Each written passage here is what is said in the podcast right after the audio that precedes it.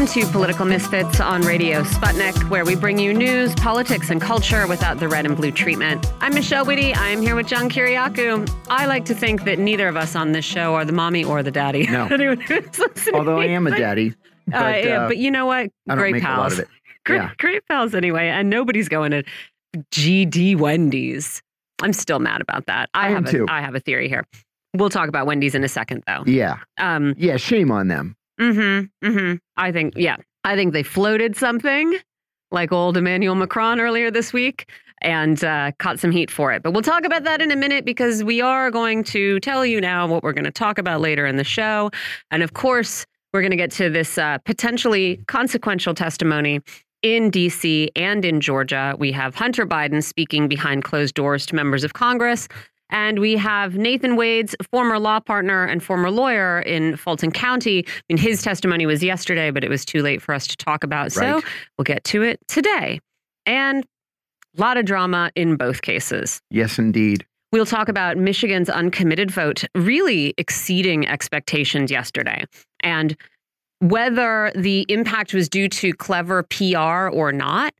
It has made an impact, right? I, I mean, think I think so. it was very smart to set that the expectations at, at 10,000 because then before the votes were all counted, you had people going like, well, there were 10, you know, during the uh, Obama's first, in 2012, there Yeah. were 10,000 votes for uncommitted then and blah, blah, blah. And now you're Uh-huh. like, okay, Well, well, deal with more than 100,000. 101,000 Yeah. votes. That's a real protest. Uh, we'll talk about what that means for Joe Biden. We'll also talk about what Nikki Haley's performance in Michigan means for Donald Trump. Well, she's she's changed her tune just this morning. Mhm. Um, yesterday, she said she was in for the long haul. This morning, she said she's going to reevaluate uh, after the Super Tuesday primaries next week. So I think she's done. Yeah, well, we'll see. We'll um, also ask hey, did you notice that Denmark uh, wrapped up its investigation into the Nord Stream explosion? To tell you the truth, until you asked me a little while ago, I thought everybody had dropped their. No, the Germans are still at it. Sweden dropped theirs uh, earlier in February. Oh. And we talked about this, but Denmark was able to wrap its up um, very quietly on Monday without catching a lot of attention until today. We'll talk about what they did and did not find. We'll talk about the budget deadline that's coming up in two days. We'll talk about a decision shielding torturers from lawsuits.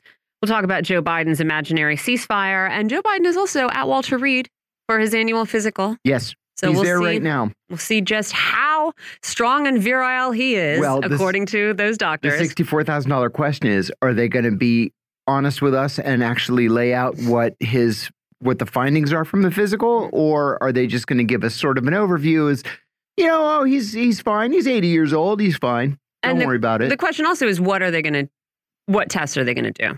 They've already said uh, we're not going to ask him to draw a clock. Right. This is one of those common dementia Yes. tests. And I mean, I, I don't know. I think the guy probably could draw a clock, yes, indeed. uh, but doesn't.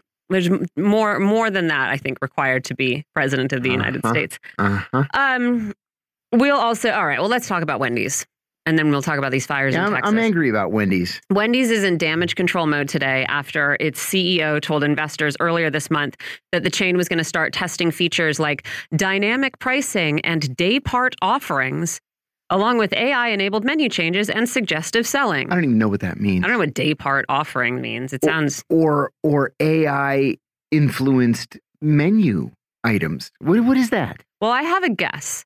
So the CEO made these statements on a post earnings call Mhm. And the content has trickled out over the past couple of days, and people have gotten pretty upset at the idea that their food might go up in price because it's lunchtime, Yeah, you know, because we have sort of cultural customs about what time you eat. that's right. Dynamic pricing is, of course, the practice of raising the prices of products or services depending on demand, which is why, you know, if you're at a concert, Uber costs a fortune. If it's rush hour, costs a fortune. Like Airlines know when people like to travel, that Mhm. you know they jack up the prices, and it is gross and exploitative, and you know we all hate it, and it sucks, and we're trapped in it. But I do feel like it is one thing to do that with like with a ride share, yes. and a different thing to do it with, With food. food. Yeah. Oh, sorry, you got to wait. You Yeah. got to wait to eat because Right. it's six o'clock. So all these wealthier people, they can eat now. Yeah. But you, you're going to have to wait two hours. You can come back and you can eat then. Yeah. Which is true. I mean, it, it, it is one of those things where, again, you, yeah, you make things you make things uh, convenient, available only to the rich, right? Mm-hmm. And you erode continually the, you know, the uh, decreasing number of uh, places in in life where the playing field is Yes. actually equal. You just Yes. get in line at the freaking Wendy's, you know, or wherever. That's, I mean, that is uh, less and less available now, right? Yes. Nobody, you, you don't get a soda like everybody else on the plane. You got to pay for it, right? They find a way to pay for everything. I did, however, in the course of um, looking into this story that has caused so much outrage, find that so I was initially also incensed because I thought, well, who eats fast food?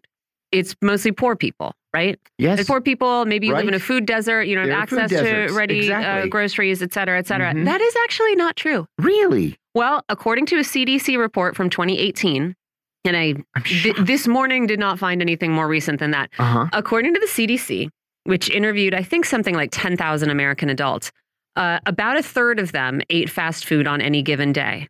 But the percentage of adults who ate fast food rose with increasing income. Seriously. So, about 32% of people who earned less than 130% of the federal poverty line, which is pretty poor. It's Yeah. uh, $32,000 a year for a family of four, or 33. 32% of people earning less than 130% of the federal poverty line ate fast food daily. Oh my gosh. 42% of people earning 350% above the poverty line, which is a lot of figures to throw in. But basically, once you jump up to the middle class, Yeah. 10% more people are eating um, are eating fast food every day. That's exactly the opposite of what I would have expected. Because I'll Yeah. tell you the truth, I used to eat fast food. Now I never enter a fast food place. Yeah. Because I can afford now to stop at uh, you know Whole Foods and get some sushi or something. Yeah. I mean, I think the reality is uh, fast food is not that fast food is not that cheap anymore. I guess not. I think it used to be relatively cheaper. Uh huh. I think also it is possible that the exact figures they're looking at might obscure some trends. I mean, if you're talking about a family of four living on $33,000 a year, Yeah. that's pretty poor. It's that's poor. You know what I mean? Where doubt. fast food is is something of a luxury. yes, indeed. I mean, fast food was a luxury for me growing up. hmm So, you know, it, and it is also like people who are people who are uh, working and very busy, I guess, want to eat fast. I don't know who these people are who are eating fast food every day. But yeah, I thought that was interesting, Wow, right? I thought just a heart attack waiting to happen. Mm, I, well, it's like fast food or pizza. Yeah. Pizza is also potentially a heart attack waiting to happen. Yeah. Yeah, I would be interested in looking more into this, right? Into whether like some of some of the way they categorize people kind of obscures these true trends. But Mhm. yeah, it does just seem to show like fast fast food is still, you know, it's kind of a middle class luxury, I guess. I guess. But it doesn't make it any better to try and squeeze the middle class a little more no. you know and so i really do think i think um the ceo tried to tell wendy's investors that we got big plans to further gouge the people who are bringing you all these returns and then he got caught and now he's trying to placate those other people who he was just describing as you know like uh, just squeeze bags that you can wring a little tighter It's just um, crazy to me. Yeah, now of course he's saying you know, Wendy's has issued a statement saying they're not going to raise prices when customers are visiting most and they're saying we were just trying we were just trying to offer discounts more effectively and like highlight lunch stuff at lunch and dinner stuff at dinner on these cool AI menus. We weren't trying to exploit you any further. I know. Also, I don't know what I don't know what is redeeming at Wendy's. I will say except for the frost. I okay. I don't I- eat fast chili. food, right? Because I stopped eating meat when I was like Yeah. 18, and it, Mhm. you know, was about factory, uh, you know, factory farming's disgusting, and I really tried to avoid Mhm, spending money mhm. on it. Uh, and so, like, my fast food consumption disappeared because back then there weren't vegetarian options at fast food, and like, I don't love French fries that much, and also didn't have money. um, Absolutely. But I will say, Wendy's is like the only place I do ever go because sometimes I want a frosty.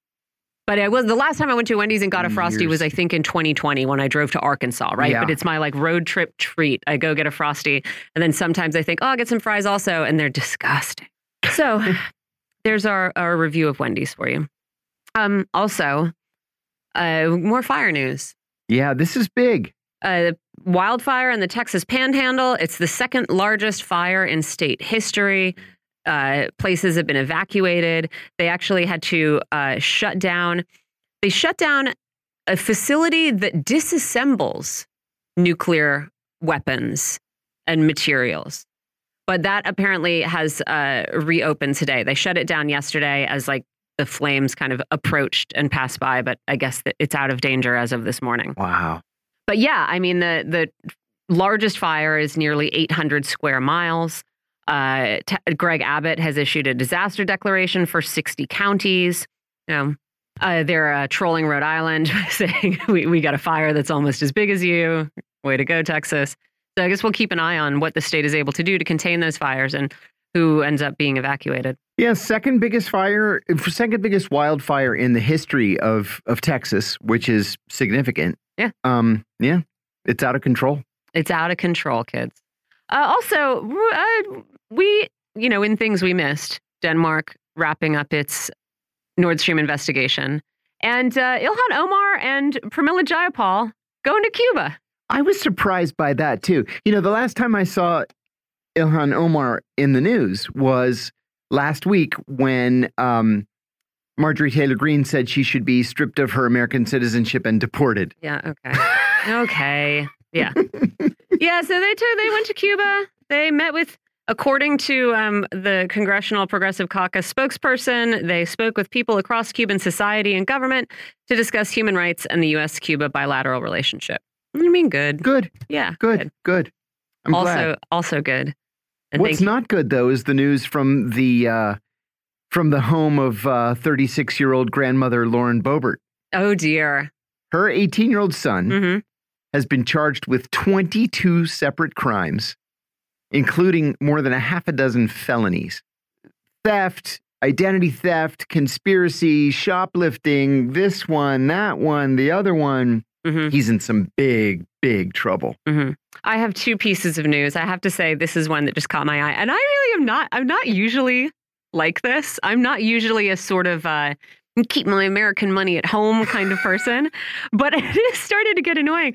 Politico has this little uh, sidebar saying the leaders of 23 European parliaments urge Speaker Mike Johnson to pass additional assistance for Ukraine, and it is true. Now every time I see these headlines, I say, "You do it." Yeah. We're going to talk later in the show about uh, France. You know, Emmanuel Macron wants to give everybody heart attacks by suggesting that they're going to send, you know, French and Belgium troops or whoever Sure to are. Russia. And then you Mhm. have Olaf Scholz saying, How about you just give them the military aid you said you were going to give them? How come you stop acting like we're we're the big wet blankets for not wanting to start World War III? If you really, you know, put your put your euros where your mouth Yeah. is, buddy. It's really as easy as that. And so I'm sure France was among one of these saying like, "Hey, hey, we're still waiting for that 60 60 billion dollars. You shut up and send it yourself." it makes me really angry. Um also, sorry, this is probably my favorite story of the day. It comes from Bild and also uh, from producer Ben. Uh, the German a German frigate Oh, mistakenly fired at a um, Reaper drone Yeah. over the Red Sea on Monday. Uh, I, I, so the headline. Did says they hit it? it no. Uh, it says both missiles malfunctioned and fell into the sea. Oh my gosh. I guess that's both German missiles Mhm. and not like because is the is a, a Reaper, Reaper armed? drone.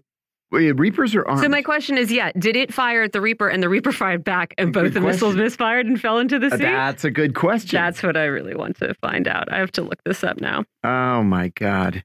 Yeah, okay, has some frigate. Let me just see if I can find this really quick. Yeah. Oh, but it did it did uh, repel a Houthi attack apparently yesterday. Unless it is today that we're going to learn it wasn't the Houthis, but it was actually it was actually uh, an American Reaper drone. Hold on, let me see. Let me see. Friendly fire. Okay. Uh, uh, John, you got to help me here when I'm looking up a story. You talk. Okay. Yeah. sorry. microphone so I can I read this real quick. okay. The the their uh, the German missile failed due to a technical defect, and the MQ-9, the Reaper drone, was assigned a counter-terror op independent of Prosperity Guardian. So it wasn't So Prosperity Guardian is the Red Sea, yeah. um, the Red Sea one. So Yeah. what was it doing there? If it Um, was independent. I mean, how many different counter-terror operations do we have going on there? Good You know what I mean? Maybe it was just uh maybe it was just helping out the Saudis in Yemen independently. Yeah. Maybe. They yeah, they would have shot it down if its technology hadn't failed. I've still there's still a mystery as to the second missile, but I, uh, maybe we'll find that out by the end of the show. Crazy. I know we have our first guest Our on the first line. guest is indeed on the line. So, yesterday's dem- uh, Democratic and Republican primaries in Michigan are now in the history books. And while there were no big surprises, there were very clear warnings for both Joe Biden and Donald Trump. On the Democratic side, Biden finished with 81%, but uncommitted received a whopping 101,000 votes, and uncommitted finished with 13%. The question is whether this was a one time expe- expression of protest or if those voters just won't cast a vote for Joe Biden in the fall. On the Republican side, Donald Trump received 68% to Nikki Haley's 26.5%. Haley said initially last night that she has no intention of dropping out of the race and is now looking forward to Super Tuesday. This morning, she said she'll reevaluate after Super Tuesday. And the news may be a little worse for Trump than it is for Biden, at least according to Haley. First, Trump is essentially an incumbent president, but Haley was able to win 44% in New Hampshire, 40% in South Carolina, and 26.5% in Michigan. Those numbers say that Donald Trump has a lot of work to do to shore up his own base. So, President Biden, Vice President Kamala Harris, and others um, met yesterday with Senate Majority Leader Chuck Schumer, Senate Minority Leader Mitch McConnell, House Speaker Mike Johnson, and House Minority Leader Hakeem Jeffries to discuss a federal budget. But by all accounts, everybody in the room beat up on Mike Johnson, with McConnell telling him that he had to take control of his caucus. Johnson offered a new one week continuing resolution for the Departments of Transportation, Health and Human Services, Energy, and Agriculture, and a new two week continuing resolution for the rest of the government. There was no formal reaction to the offer, but Biden said last night that good progress was made. The government is due to begin shutting down at midnight on Friday. We're going to talk about all this with Anthony Rogers Wright. He's a spokesman for Black Hive. That's the climate justice arm of the Movement for Black Lives. Anthony, welcome back. Thanks so much for joining us. Thanks for having me. Good to hear from you all and good to be here. Good to talk to you. So let's start with Michigan. At first glance, yesterday looks like a big win for both Joe Biden and Donald Trump, but that's not really true. We were talking about the potential uncommitted vote yesterday on the show, and our guest speculated that anything more than 10,000 votes for uncommitted would be embarrassing for Biden. In the last two presidential primaries, uncommitted got 19,000 votes and 20,000 votes. Well, yesterday, 101,503 votes were cast for uncommitted. So, how bad do you think this is for Joe Biden? Is this a warning shot, or does he really need to worry about carrying Michigan in November? It's absolutely a warning shot. Um, it's been really, really sad and laughable to hear how sort of like Democratic pundits have been trying to spin this like it's not a big deal. Yeah. And this is the point of a primary process. Because number one, yes, um, the uh, Listen to Michigan people had a goal of 10,000, which was around the margin of victory that uh, Trump beat Hillary Clinton by That's back right. in 2016. As you noted, a hundred, 10 times more than what they than, than what they wanted, which is incredible. And then if you also add the fact that there were also votes for Dean Phillips and Marianne Williamson, Right. Marianne Williamson, who dropped out of the race. Right, the Democratic pundits aren't talking about that though. Um, this is a this is a really really big problem, and the bigger problem seems to be in how the Democratic Party is communicating with the Muslim and Arab population, as well as their their comrades and their accomplices first and foremost, it's not just Arabs and Muslims alone. Obviously, black, brown, and young people are part of that abandoned Biden coalition, which I believe is going to be replicated in other key battleground states.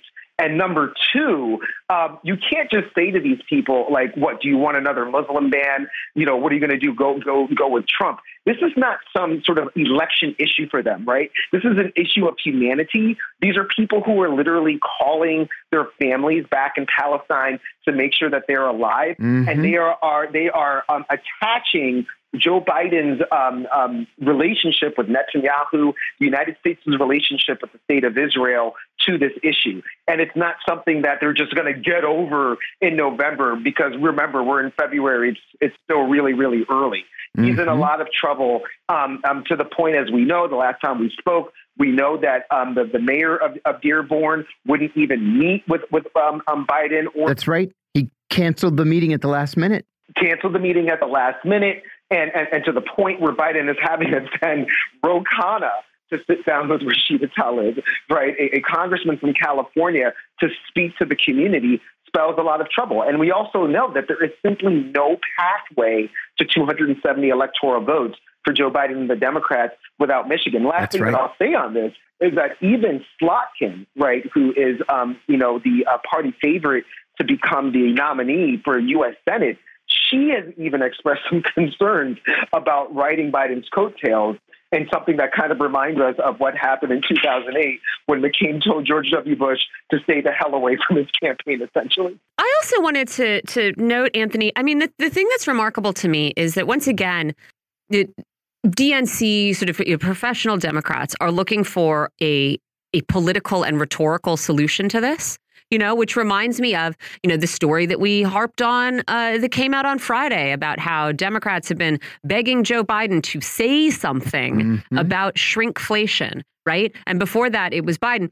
Say something about energy prices and gas prices. It's it's there's this idea that you can say the right thing mm -hmm and the that will solve your problem. And there is a clip going around of um, Nina Turner's appearance on CNN last night, in which she, you know, gives voice to what has been driving this uncommitted campaign, which is not just a, a bunch of whiny babies, but people genuine, you know, as you said, with with genuine and heartfelt concern for the very real lives of people caught in a very real. Mm. Uh, uh, genocide or ethnic cleansing in in Gaza, and was interrupted by Anderson Cooper trying to redirect the conversation back to mm -hmm. politics. Which mm -hmm. I, I mean, mm-hmm. I understand there's a difference between uh, an issue and a political response. And then, of course, the rest of the panel trying to say, you know, oh, well, Israelis have also suffered. Cool. I mean, subtract whatever, subtract 1,000 from 30,000 for me, will you? But, you know, it's, this is a problem, right? Like the, the issues that people are facing are real. They are really affecting their lives and their families' lives, whether you're talking about inflation or or actual feel fears for literal safety. And there's not a rhetorical way out of it. Mm -hmm. And that seems to be the only thing they're looking for. And I think that is something that is going to end up uh, being a real problem. And before you answer that, let me add something too. Um, today's Washington Post said the reason why Biden has found himself in this position is that if you look at his his political history going back to his 1972 Senate race, he has never cared about human rights. Yeah. He's never been a leader on the issue of human rights, and now it's come back to bite him. Yeah. Go ahead. Yeah, well, what I was going to say is, I mean, you're both spot on, right? What tends to happen when you know people kind of fall from grace, right? It, it, it may be catalyzed by one big thing. In this case, certainly the genocide, as you mentioned, that's going on in Gaza. But right, but don't we always see like when someone gets in trouble, we start like going back to their tweets from like 20 years ago and their record from 20 years ago. And if you do that with Joe Biden, then you start to see that the coalition that he needs uh, you know, will will fall apart without a lot of work. So whether it's the black community looking back to his stance on busing, looking back to his eulogizing Strom Thurmond and referring to him as a friend, going back to what he did um, in the Anita Hill situation, the crime bill, you know, it gets really, really, really murky. And, and you start to see some intersections being made. Of course, black people have a long history maybe even older than Joe Biden, of, of, of, inexorable solidarity with Palestinian people because they saw the intersections of their occupation and the way that uh, black people are being treated in the United States. Then you add in the fact that you have a big issue with Hispanic slash uh, Latino Latinx vote.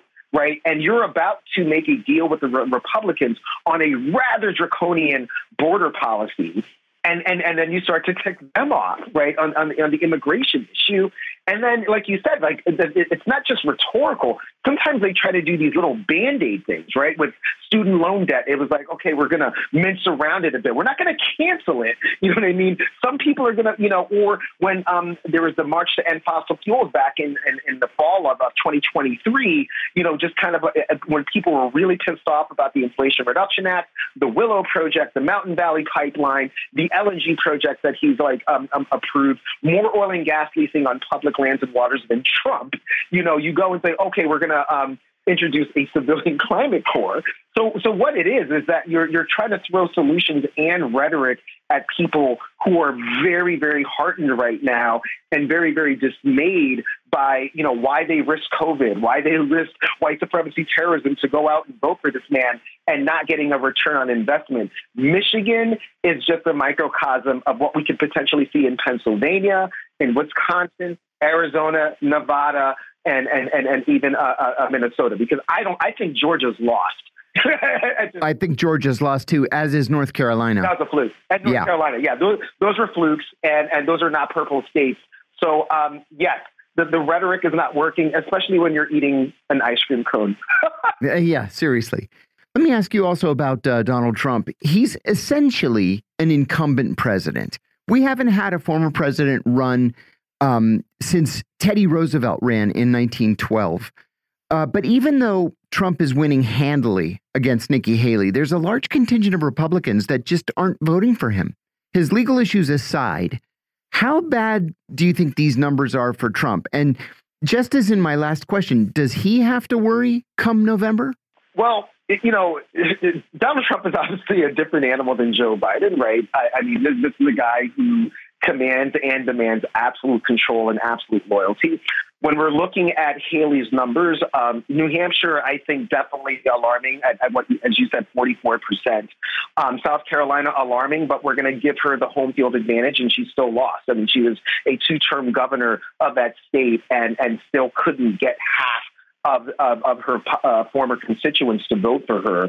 And then the numbers go down a little bit more in Michigan. So I would say, you know, definitely not alarmed, but concerned. We also know that Nikki Haley lost some major financial backing when the um, Koch brothers affiliated entity announced, "Hey, we just cannot, you know, invest in you anymore because you're not winning." You know, and and I think that as uh, as you alluded to, I, I, just think that like after and, and uh, apparently Nikki Haley alluded to this as well. Um, after Super Tuesday, it, it, it's pretty much done and and you know and and, and Nikki Haley is going to start start hearing the pressure. We've got to pull the party together. We we have to like figure out how we're going to deal with this IVF fiasco. By the way, which even Trump was like, oh my God, you know, come on, Alabama, you're going too far, and it's time to consolidate the party and show that we are a unified party, especially while the Democrats are still contending with the situation in Gaza. I, I, I just don't think that like it lasts much longer. And so the the only reason why you know we, we would be concerned is because of Trump's ego. I'm sure that's hurting more than you know his pathway to eventually just seize this nomination. But um, he, he's an egomaniac and a megalomaniac, so he, he's probably just puts up the numbers on higher. But yeah, I, I don't think much more to see here. I, he's going to have this locked up in the next two weeks. You know, uh, Haley has almost no delegates. She she's won a total of like 20 20 something delegates. I think I think uh, Ron DeSantis has 9 that are now uncommitted, but let's say she gets let's say she gets a third of the vote next time. Does she hang on? Or or maybe it's better to ask even if she wants to hang on, will she have the money to hang on? I, I, I agree. I mean, it's obviously, you know, her choice. I think she's going to start to get more pressure from uh, the party. Perhaps uh, Governor Haley or um, or Ambassador Haley, I should say, believes that Trump's legal proceedings will come back to bite him ahead of the nomination, mm-hmm. and there'll be this contested nomination. But Haley doesn't even really have that much power, and neither do the the, the so-called neocons anymore. Trump has just like simply seized the party. We also know about the changes that were recently made at the RNC, right? There's uh, someone stepped down, people who Trump anointed, including his um, what his daughter-in-law, right? You know, are now going to be running the RNC. I mean, um, th- this this man, when we call him a fascist, it's not just because of like what he's doing to the country, but what he did to his party. He's he's, he's assumed control. So even if there is a contested event, uh, convention, which I don't see happening, maybe more so for the Democrats than, than the Republicans, Haley just doesn't have that power. And, and, and I don't think that people really think that like this is the one that is going to deliver us from Trump. Mm-hmm. So, I mean, I, I think the, the, these presidential campaigns are gangsters. You both know they're, they're a lot of money, you know, to run. Just ask Ron DeSantis; he blew to a hundred million dollars. Yeah, he did with private jets and resort hotels. right, exactly. Crazy. And I don't think Nikki Nikki Haley's going to be staying in Motel Six, and, and so um, these campaigns cost a lot of money, and, and eventually, you know, you, you bleed out. But um, then then Haley has to ask herself, what's herself, what's going to be my position in the party? right? Because we're already starting to see Republican senators starting to um, uh, endorse Trump. And we're, we're uh, getting reports that Mitch McConnell is probably going to do the same very, very soon because they have to have positioning when the inevitable is right in front of them. So I'm, I'm sure Nikki Haley is thinking about that as well, right? We saw how mean Mitt Romney and Ted Cruz were to Trump at first, and now they're Trump sycophants. And I'm, I'm sure Nikki Haley will want some kind of job in, the, in, in his administration should he win. So th- that's the other thing I think that we have to think about. I want to ask you too about uh, the No Labels Party. So the No Labels Party, which so far seems to be a collection of disaffected Democratic and Republican elites says that it's going to make a decision on whether to compete in the general election by next week. That's all fine and good, but isn't it pretty much too late to get onto any of these ballots? Um, no Labels doesn't have any money. It doesn't even have any candidates now that Joe Manchin has taken himself out of the race. Is this just an effort to get press coverage, or is this a legitimate attempt at a viable third party? Yeah, I will say, ironically, it seems like the um, more independent third parties, whether it's uh, Dr. Stein, Dr. West, or Claudia de la Cruz, um, are more legitimate at this point than No Labels, despite all the money that No Labels um, either spent or, or, or brought in. And they, they actually have candidates it's not too late to get on ballots. It'll, it's a, it's a lot harder, right? There are some states that don't even allow for the, the uh, collection of yes. signatures to get on the ballot until next month, uh, March. You know, but it will cost a lot of money. You know, California, you need three hundred thousand signatures. Texas, you need three hundred thousand signatures. That's probably like three to five million dollars right there. Yeah, that's right. It's expensive. It's really expensive. New York. I mean, I mean these these um, Uh, these independent candidates are reporting right now, whether it's De La Cruz or West, how hard it really is to get on ballots in some of these states. It, it can be done, but you're going to need a lot of money. But when you don't even have a standard bearer, and um, eh, eh, are we to believe that this decision can be made in as little as a week? Who are these people? I don't think Sinema is going to run without Manchin. Um, I, so I, Sununu is certainly Agreed. not going to run. Uh, Larry Hogan just announced that he's going to uh, run um, um, for the U.S. Senate and has a very good shot of winning, I might add, in Maryland. Um, so who who who who's it going to be? You know, unless it's going to be some sort of Ross Perot, you know, kind of figure that might give us some entertainment. But no labels said from the outset that they would not run anyone unless they thought that they had a legitimate chance to victory. Mm-hmm. It doesn't seem like that's the case anymore.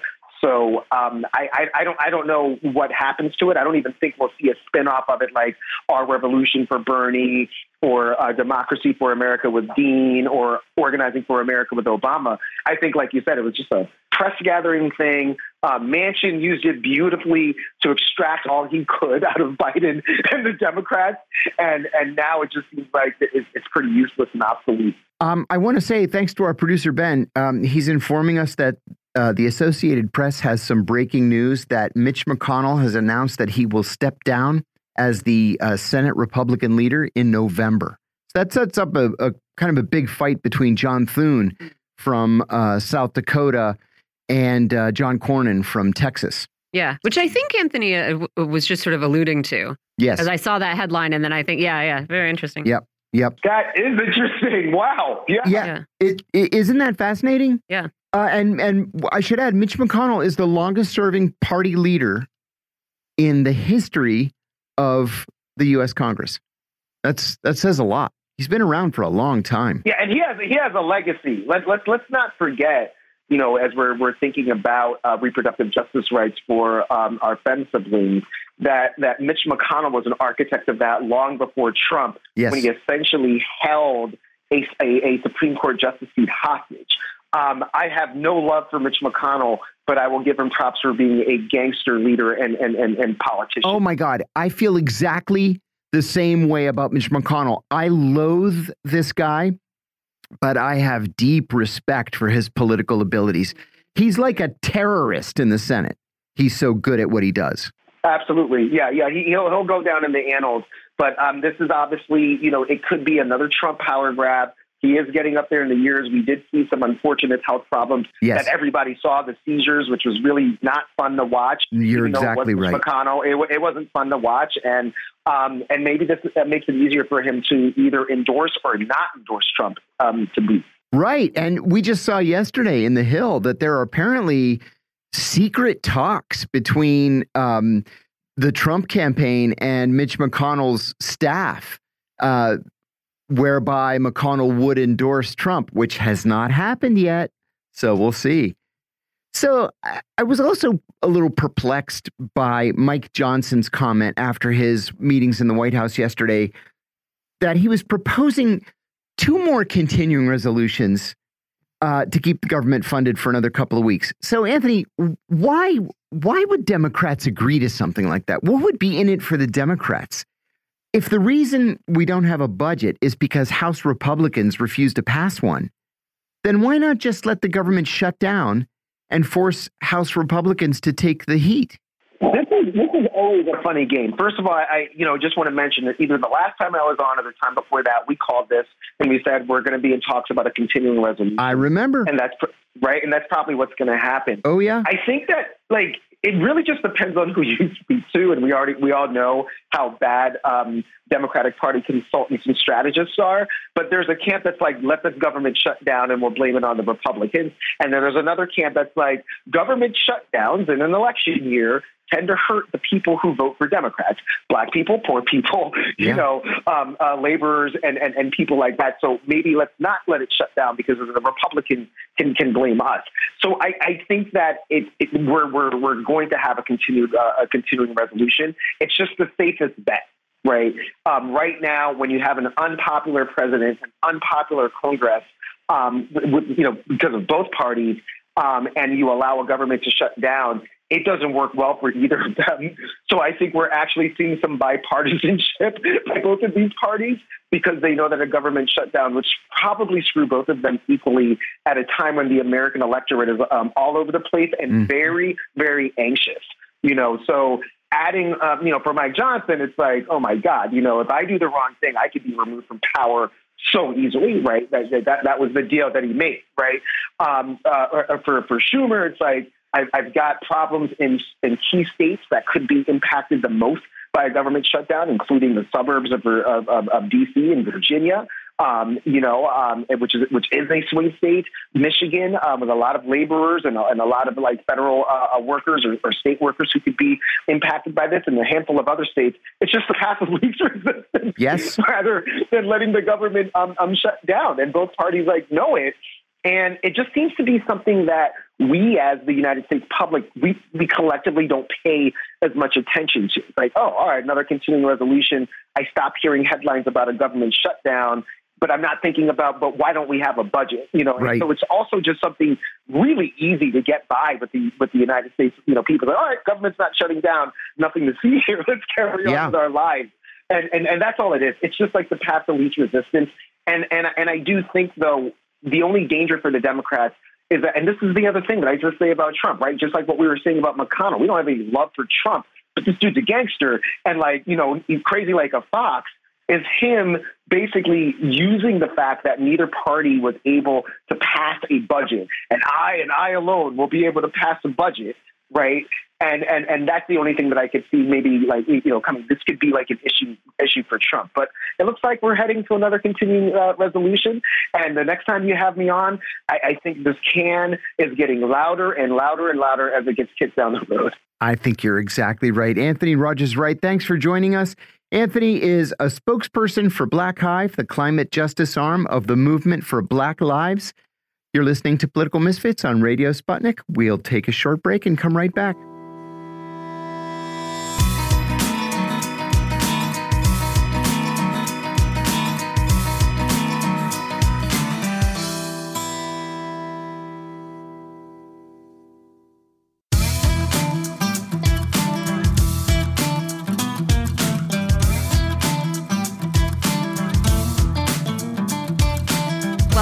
To Political Misfits on Radio Sputnik, where we bring you news, politics, and culture without the red and blue treatment.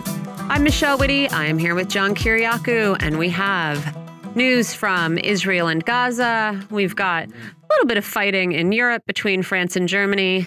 We have maybe uh, light diplomacy in India. And we, the political misfits, have to talk to you about all of this. Mark Sleboda, who's an international affairs and security analyst. Thanks for joining us, Mark. Michelle, John, thanks for having me. It's always an honor and a pleasure to hang with the political misfits. The pleasure is ours, Mark. Uh, let's start with this. Well, just a little review of this ceasefire that Joe Biden uh, predicted on Monday while licking an ice cream cone. Uh, Hamas yesterday, uh, which we reported, said their conditions still hadn't been satisfied. Uh, later on, after our show is over, apparently Israeli officials uh, told Politico anonymously that Biden's remarks sure came as a surprise to them. So I don't know. I, I don't know uh, whether. I mean, I can see a reason why Israel and Hamas might not want you know speculation about the terms of a ceasefire for a week, right? Uh, but I don't. I don't know if you think that.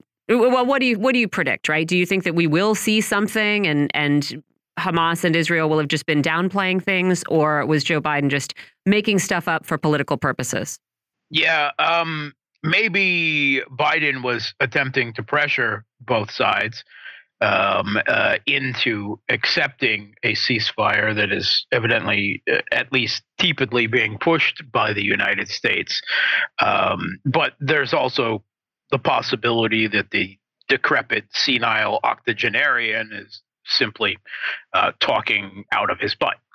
Um, I considering the moves that Israel has been making in the last week with the ordering of the new evacuations from North Gaza and the airstrikes um, uh, and the suspension of food deliveries, um, while Hamas may need a ceasefire with the hope of getting food uh, into Gaza City, uh, where increasingly people are dying of starvation.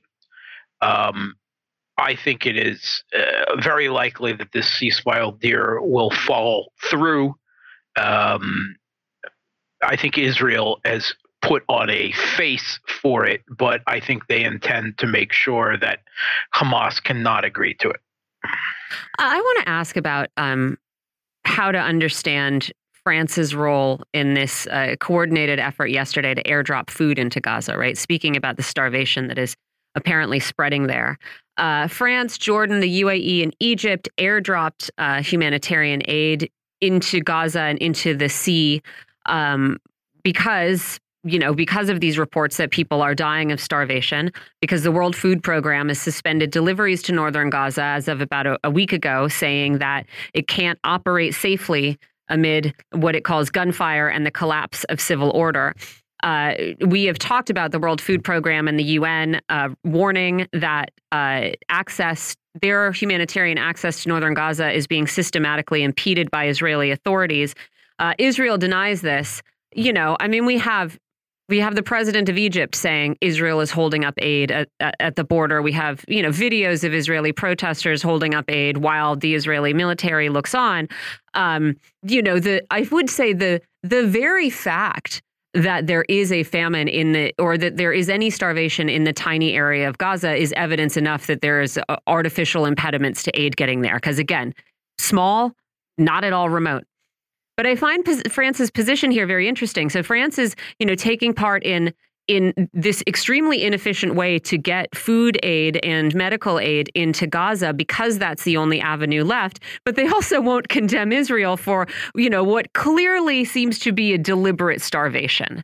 And I don't, you know, it's one of the one of I guess many paradoxical positions taken by countries in the midst of this conflict. But it, it just seems like um, it, again, it just erodes, erodes, erodes any credibility uh, Israel's supporters have.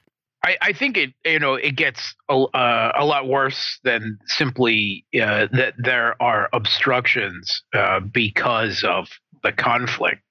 Um, videos are circulating online showing uh, Israeli troops driving their tanks over food supplies intended for Gaza Oh, and laughing about it. And I understand that on uh, Western controlled uh, social media outlets, there is a, an attempt to remove uh, these videos, but uh, at least as far as I can see, they seem pretty undeniable to me. And unfortunately, it matches up completely with so much else that we have seen coming out of Gaza that the Western mainstream media refuses and governments refuse to even acknowledge or uh, you know address. Uh, with uh, U.S. uh, presidential spokesman, you know, simply we can't confirm, we can't, we, we can't acknowledge, we can't Right. confirm. Right. Yeah.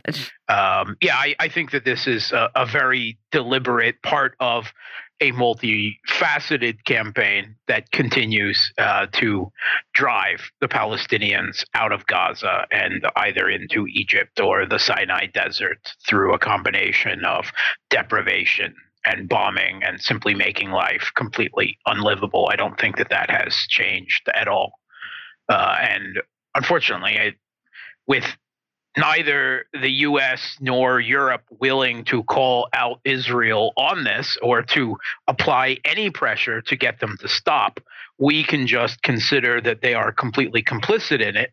And any rhetoric or little actions like this, airdropping food into the sea near Gaza, is um, is is you know, it's whitewashing. It, it, is an attempt to salvage their own reputations while they facilitate Israel going about this. Yeah, and in a way, it's sort of. I feel like it kind of almost, if you if you think about it, which I hope people will, it sort of backfires, right? Because why why would you have to do this if there wasn't a sort of deliberate, um, you know, a deliberate blockade of Gaza, including a block of uh, of food and aid, right? Like, so it's It is extraordinary that they can't simply negotiate Israel allowing uh, food to be crossed about the border.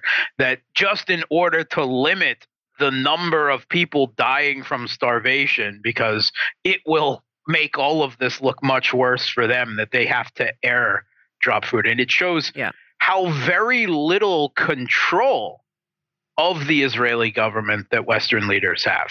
That I, I think it's more the other way around. Israel is in the driving seat here, not the US, not European leaders. It is Israel. It is Benjamin Netanyahu is in the driving seat here.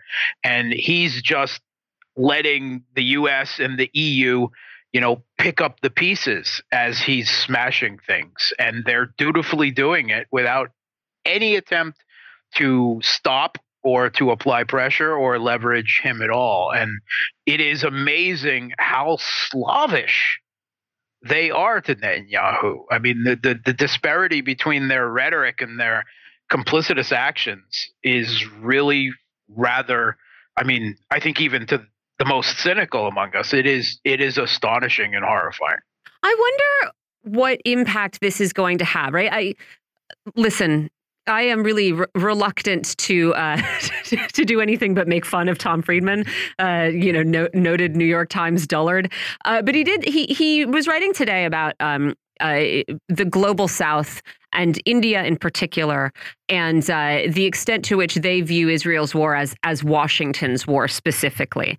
Uh, and he was saying like you know, Washington, the Biden administration is underestimating um, the. Uh, you know the the anger and loathing here, particularly in India, which he identified as the only major global South power that has consistently supported Israel since October seventh. And so, you know, he he's saying Washington should pay attention because this, you know, as Israel's um, global standing plummets, so will the United States is because people understand correctly that this is all being done with the uh, assistance of the United States. And I guess my question is, do you, think that's true? Right? Is the Biden administration really underestimating how much the world considers Israel's war on Gaza the U.S.'s war on Gaza? And then also, again, like how should we how should we weight things like global standing, especially when you know uh, the, U.S. can be the biggest and most violent and dumbest country in the world, but we also have the most nukes, and we are the ones who have a, a history of using them, right? So I never know how to balance sort of um, intangibles like respect you know, with these tangibles that are like, we, hey, we're nuts enough to nuke you, you know? Yeah. Um, so, I mean, this is an ongoing phenomenon. I don't think the Biden administration underestimates it per se. They just don't care.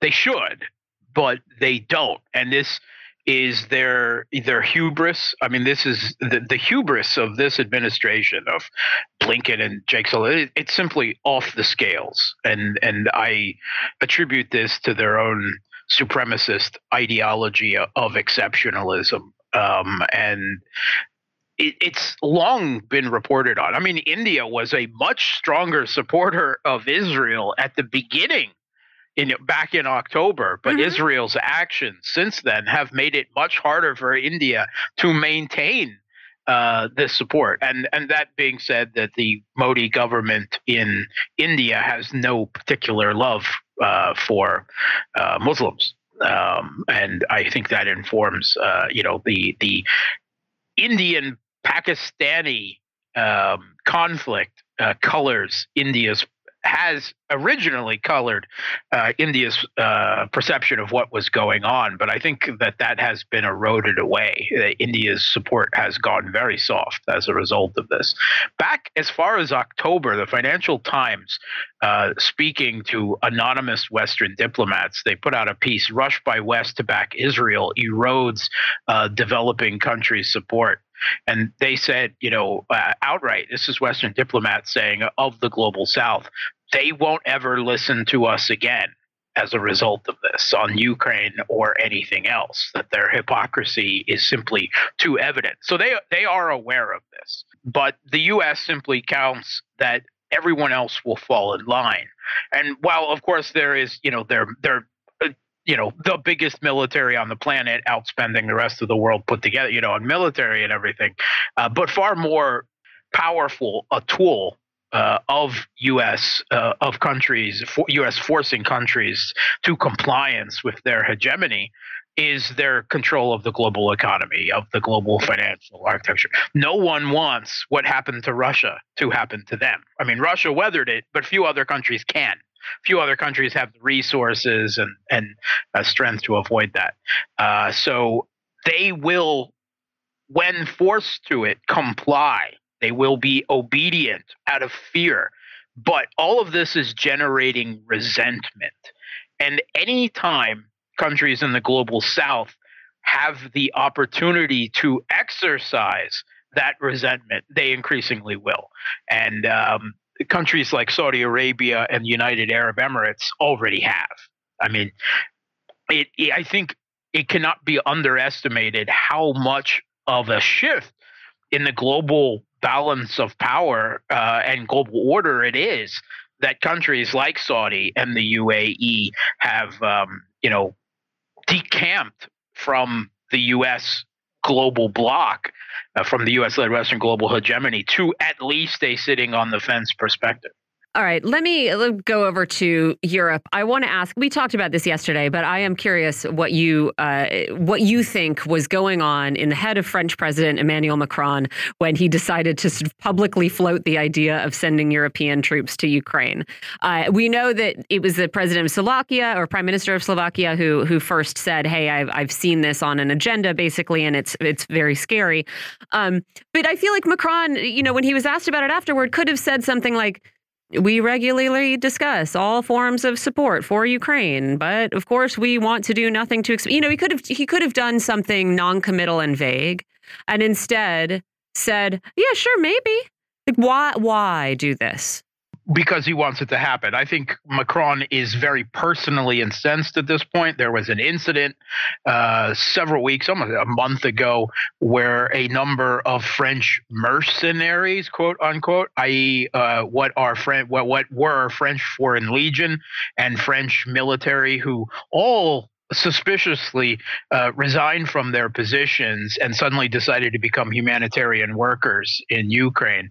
Um, they were hit by a Russian missile strike outside Kharkov. Um, and France tried to deny. First, they tried to deny that there were any French there, and then they said, "Oh, they're all volunteers," and uh, hmm. they disavowed any responsibility. And then they secretly sent some French officers to collect the bodies, and then Russia hit them again. Hmm and uh, Macron is extremely incensed at this point. But this is not new, and this was the entire purpose of the meeting was to discuss this. And according to the Polish president, in the most recent hours, numerous Western countries are already on board. They they they are ready to do this now. Uh, obviously, it wouldn't be a NATO affair. Um, we also know that the UK has contingency plans for this already in place. The former Ukrainian ambassador to the UK revealed that in December, and a piece in RIA Novosti leaked plans that the UK was pushing for a NATO expeditionary force. I think Macron is exactly right that uh, there is no consensus now, but consensus is not necessarily needed for a coalition of the willing, um, and that um, positions will change as they European leaders get more desperate and panicked as Russian advances on the battlefield begin to threaten the regime itself. What happens? This is after Avdiivka. What happens when the Russian military is moving on Kharkov or uh, Odessa or Kiev, which is going to happen? Uh, he says that positions will change, just like they did on sending various levels and quantity of arms throughout this conflict. I mean, I remember Joe Biden said we can't send tanks or jets to Ukraine because that would be World War III, and yet we're seeing Abrams burn in Ukraine this week. I think he's right, and I think inevitably this is where this will end because he said outright, and numerous Western leaders have said this: Russia cannot be allowed to win this. They will do whatever is necessary to stop uh, Russia uh, from winning in Ukraine. Mark, I want to hold you over for just a couple of minutes because I want to ask one, like, how can this possibly not be a NATO affair, even if it doesn't start as one, right? Uh, France sends troops. Russia decides, well, that means we're at war with France. They attack France, and NATO is obligated to defend defend France. So I want to I want to get your response to that, and also then talk about uh, does this mean France is going to start actually contributing more money to Ukraine? Because that is the thing that the German chancellor has been complaining about. You, you want to talk all of this sort of heated rhetoric. Why don't you just put up some funds like we have been? But we'll get those answers after this quick break. You're listening to Political Misfits on Radio Sputnik. We're live in DC, and we'll be right back.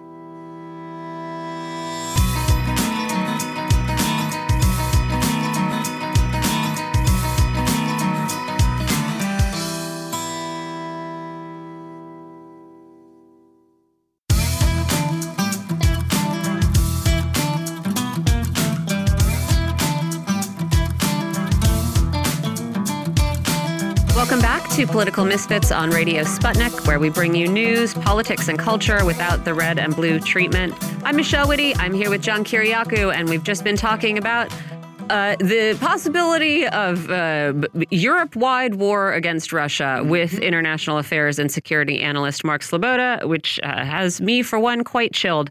Uh, I wanted to ask, you know, how how could this be like how could Europe enter the conflict without it becoming a NATO conflict? Even if it's not NATO starting it you know a NATO force going to Ukraine uh, are they going to sort of agree to suspend NATO's obligation to defend any country that Russia might you know reasonably choose to retaliate against if they go to war against it? I mean how how would that work that's why some countries that are against it are particularly incensed. Germany right now is is the uh, Scholz. It did not want this come out publicly. He didn't want this discussion now, and he's been sniping uh, at uh, Macron uh, quite uh, nastily, I guess, uh, ever since. The somewhat unusual break of public unity over this. But of course, you're right. Um, no one is going to suspend NATO Article 5. And while NATO uh, Article 5 would not be immediately uh, in effect if um, member state countries outside of NATO um, of, of a larger NATO operation went into Ukraine. Of course, they'd be sent in as peacekeepers.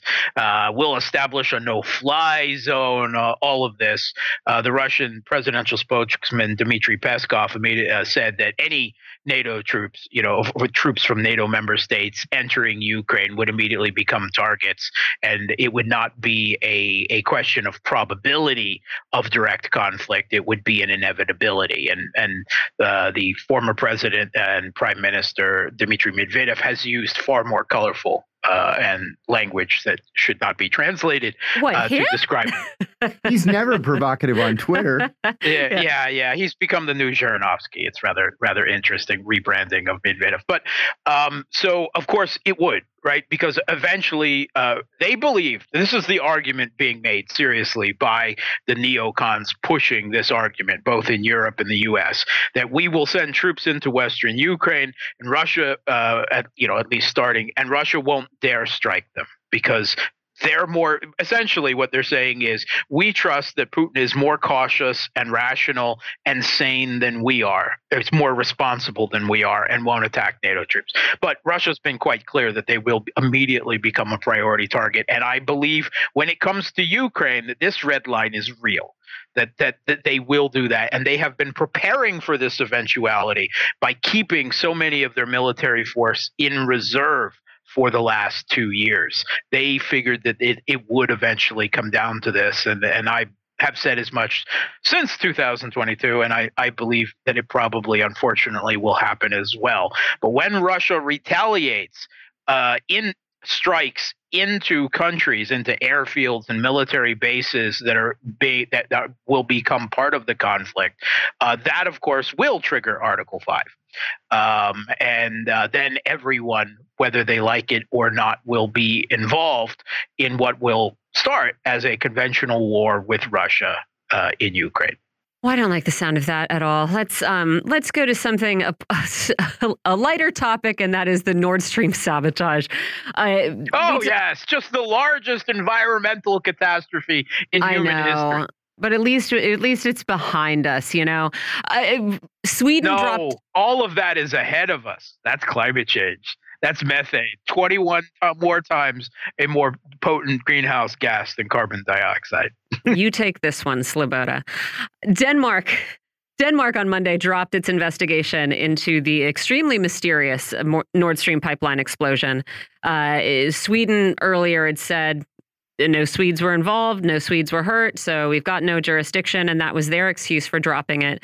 Uh, the Danes went a little bit farther and said it's sabotage for sure, but we don't have sufficient grounds to pursue a criminal case. So that leaves the Germans as our only hope uh, that a country will be able to scare up evidence. Yeah, I mean, one, you know, how long do you think Germany goes on with this? Um, and I mean, I, I guess I do have a genuine question as to like, uh, I don't know, the threshold for I don't know, evidence, right? Like we're talking about the bottom of the sea. Of course, there's, you know, who has the capability of doing it and et cetera, et cetera. But I guess, I guess I will, you know, to act in good faith, also say, like, is it possible that on one hand, it's very clear who did this, and on the other hand, it would be very difficult to prove? Uh, I, I, think that there are intelligence sources uh, that can uncover more than, say, simply physical evidence on the bottom of the sea, and that's what they would do. And of course, that is why Sweden and Denmark uh, have dropped this case, and they're not even going with the cover stories, i.e., oh, it was Russia who did it, or it was a rando group of Ukrainians in the SSS Minnow who did it. Right? They they're not even they just dropping it entirely because all the evidence, of course, points directly and unquestionably at, at the United States, which is why they're dropping it. And Germany will continue this. They will drop their own investigation, of course, uh, because no one can admit to this, certainly not while the current government uh, is in power, because quite obviously they were 100% complicit with this, right? They didn't want this pipeline being constructed. This is not the, that government, the government that had it constructed, is long out of power. These, uh, you know, Annalena Baerbock and and the other members of this administration were completely against it, and they were happy to see it destroyed because they believe they hate Russia that much, and they believe that much in Atlanticism and U.S.-led Western hegemony that they will cut off their own foot if that means separating any economic connections with Russia, or more likely that other guy's foot over there, because it won't be Annalena Baerbock's foot. Uh, but um, they this this will continue, and and at least while this German government is in power, you won't hear a a word of truth on this, and I, I believe the investigation will be dropped. Because what? It would mean the end of NATO right? Yeah. No one can admit this. Uh, so uh, th- this will be, you know, everyone knows what really happened, but no one can admit it. Uh, finally, I, I, just wanted to get your uh, thoughts on, uh, uh, you know, it's like, is is this interesting? Is this not interesting? It's a very little story, um, but uh, apparently, India for the last week has been hosting a massive joint naval exercise. Uh, it's not a new exercise. This is the 12th iteration of what is called, the, they're called the Milan exercises, I guess. This is Milan 2024. It's being held off of India's eastern coast. Uh, this year, apparently 50 nations are participating, the most ever. And according to a couple different stories, among them are the United States, Iran, and Russia. And I do know that sometimes military exercises can make strange bedfellows. And so I just wanted to ask if, if there is anything to see here, if there is anything, you know, that indicates a sort of subtle diplomatic thaw. I think our previous conversation maybe uh, uh, negates that possibility. But uh, what, what's going on here? This is everyone courting India right this is this is what this is this is india has managed thus far to maintain their, shall we say, on a geopolitical level, neutrality, their balancing act between the U.S.-led West and the, you know, the rest of of uh, the BRICS, right, uh, of the Shanghai Cooperation Organization, whatever iteration of of it you want to look about, the Russia-China-led bloc. Um, they they've balanced uh, fairly well, and uh, this exercise and the participation of uh, otherwise, uh, I mean, U.S. Army ultimately, uh, you know, openly calls Russia the enemy now. Enemies participating in it at the same time is just because how important India is as a geopolitical uh, balance point, right? India swings one way or the other that could swing the rest of the you know the ultimate outcome of of future world order that way or the other so uh, no one wants to be on the you know uh, slight india in the slightest uh, if I can say that, by not participating uh, in these drills, even if it means um, staring a- across the water at their enemy. All right. Uh, Mark Sleboda, really appreciate you as always. Thanks so much for joining us. That was International Affairs and Security Analyst Mark Sleboda. Thanks for having me. Our next guest is on the line. We mentioned in the last hour that yesterday's Michigan primary created more questions for Joe Biden and for Donald Trump than it offered answers. Were the votes for uncommitted on the Democratic side and for Nikki Haley on the Republican side anomalies? Were they springtime warnings to the two leading candidates? Should we expect voters to fall back into line in November? Or were these neon signs warning the two frontrunners that they're in trouble with their bases? Hunter Biden testified or is testifying before the Government Oversight and Investigations Committee in the House today. The testimony is behind closed doors and there will be no video coverage. The two parties agreed, however, to jointly release a transcript in its entirety once the hearing is done. Nobody seems to know what the hearing will focus on. We kind of got an idea of that when they took a break at about 11 o'clock this morning. As you can imagine, it's all about Hunter Biden's uh, business dealings. Um, but this comes after a series of setbacks for Republicans, including the arrest of Alexander Smirnov, one of the primary sources for the committee, and the apparent collapse of House Republican efforts to impeach Joe Biden. The Fani Willis saga in Georgia took an odd turn yesterday. Prosecutor Nathan Wade's former friend and former divorce attorney Terrence Bradley testified for a second time in the case but this time he contradicted his earlier testimony, saying that he was simply speculating that Wade and Willis had been having an affair earlier than they admitted. The judge in the case still has to decide who is lying. Somebody's lying. It's either Willis, Wade, or Bradley, and whether and how a lie might affect the case against Donald Trump. A federal judge in Washington state, a federal judge appointed by Barack Obama, threw out a lawsuit brought by Guantanamo prisoner Abu Zubaydah against the two CIA contract psychologists who tortured him. The judge found that a 2006 law that forbids victims of CIA torture who are not U.S. citizens from suing is in place. That law seems to be patently unconstitutional to me, but it has never been challenged. And so Abu Zubaydah's attorneys will take to the Ninth Circuit Court of Appeals Interestingly, the government still insists on referring to Abu Zubaydah as alleged senior Al Qaeda leader and as a former confidant of Osama bin Laden. Neither of those two descriptors are true. New York Mayor Eric Adams wants undocumented migrants who are suspected of having committed major crimes, suspected of having committed major crimes, uh, to have their right to remain in New York City as a sanctuary city uh, revoked. Adams' statement comes just two weeks after a group of migrants attacked and injured two police officers in Times Square.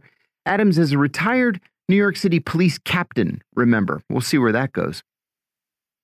And we're learning more about Aaron Bushnell, the active duty airman who self immolated in front of the Israeli embassy in Washington on Sunday. Author and historian Asha Krishnaswamy said yesterday that self immolation is a practice embedded in ancient Buddhist and Hindu culture that it is a profound political statement and that it is considered to be the ultimate act of protest against an oppressor. But the question remains whether self immolation and suicidal depression are mutually exclusive. Margaret Kimberley is editor and senior columnist at Black Agenda Report and the author of the book Prejudential Black America and the Presidents. Thanks so much for joining us, Margaret. Glad to have you back. Thanks. It's good to be here. Thanks for for uh, for doing it. So, Let's start with Joe Biden and the Mich and the Michigan primary. We've been talking a lot about this gigantic uncommitted vote yesterday, more than 100,000 people. Do you think this is just a warning to Joe Biden to moderate his policies on Palestine? Or is this something that Biden ought to be worried about come fall? He ought to be worried, but I don't believe he is. I think they see this as a, a little PR problem that can be fixed while he uh, claims to be um, in conflict with Netanyahu and they claim to be working to get aid to Gaza. They think that's going to be enough, um, but it is not going to be. Uh, people who are motivated by Gaza are not going to change between now and November unless the policy changes between now and November, which I don't think it will. Um, the U.S. is committed to Israel's ethnic cleansing project in Gaza. That's just what it is to clear the population out, to open it for settlement, to open it for gas exploration. Um, and uh, Biden sees the world the way Netanyahu does. There's no conflict between them. Uh, and people know that. And, you know, it may be a small group of people. On the one hand, uh, people are smeared who are raising this as an election issue. And uh, on the other hand, they're saying, well, you could make Biden lose and Trump could win, which tells you, you know, in electoral politics, a small group of people can change things. Why did Hillary Clinton lose in 2016? She lost 78, she needed 78,000 more votes in three states in order to have won in the electoral college and to have defeated Donald Trump. So this is a huge problem for Biden. I think they're whistling past the graveyard. Um, and, and let's not forget, before October 7th, Biden wasn't popular. He had an approval rating that hovered around 40% or something like that. He is in trouble, and he's in trouble over this issue, and they are fooling themselves if they think it's going to disappear. Michigan also wasn't all good news for Donald Trump. He won handily, as we said, but um, he's essentially an incumbent. So is the fact that Nikki Haley is winning between 26% and 44% of the vote so far uh, in the Republican primaries a threat to Trump in November? Or do you see her just sort of fading away uh, come Super Tuesday next week? I think she is going to to fade away. I think whoever was bank, I think it was the surviving Koch brother who was uh, right. Um, he cut uh, off fun, the money. He cut off his money. Well, see, there you go, and that tells you the story. that tells you the story. So she's done. Um, you know, I I wish I knew offhand the, how these numbers compare uh, to what Trump got in uh, in 2016 when he had other uh, Republican challengers.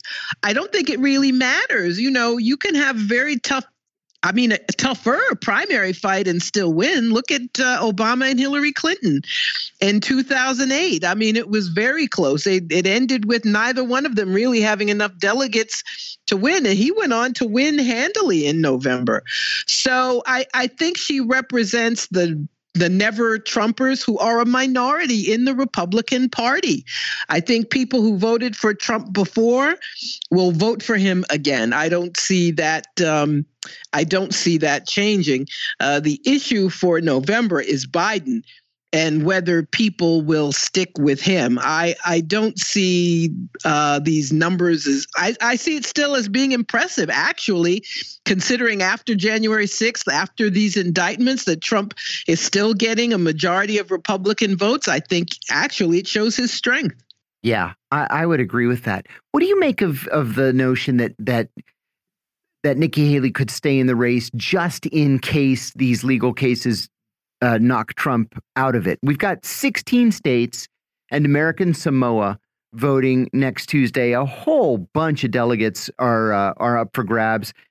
She's just being walloped in the race for for delegates. But if she can scrounge the money together, would it be worth staying on beyond Super Tuesday? I mean, I, I think the issue is whether she would officially, formally take her name out of contention where mm-hmm. she whether she would remove herself from ballots or not um, i'm less familiar frankly with the republican rules and how they go about uh, nominating at their conventions so i i think she would she would still be a candidate if if not actively uh, a candidate.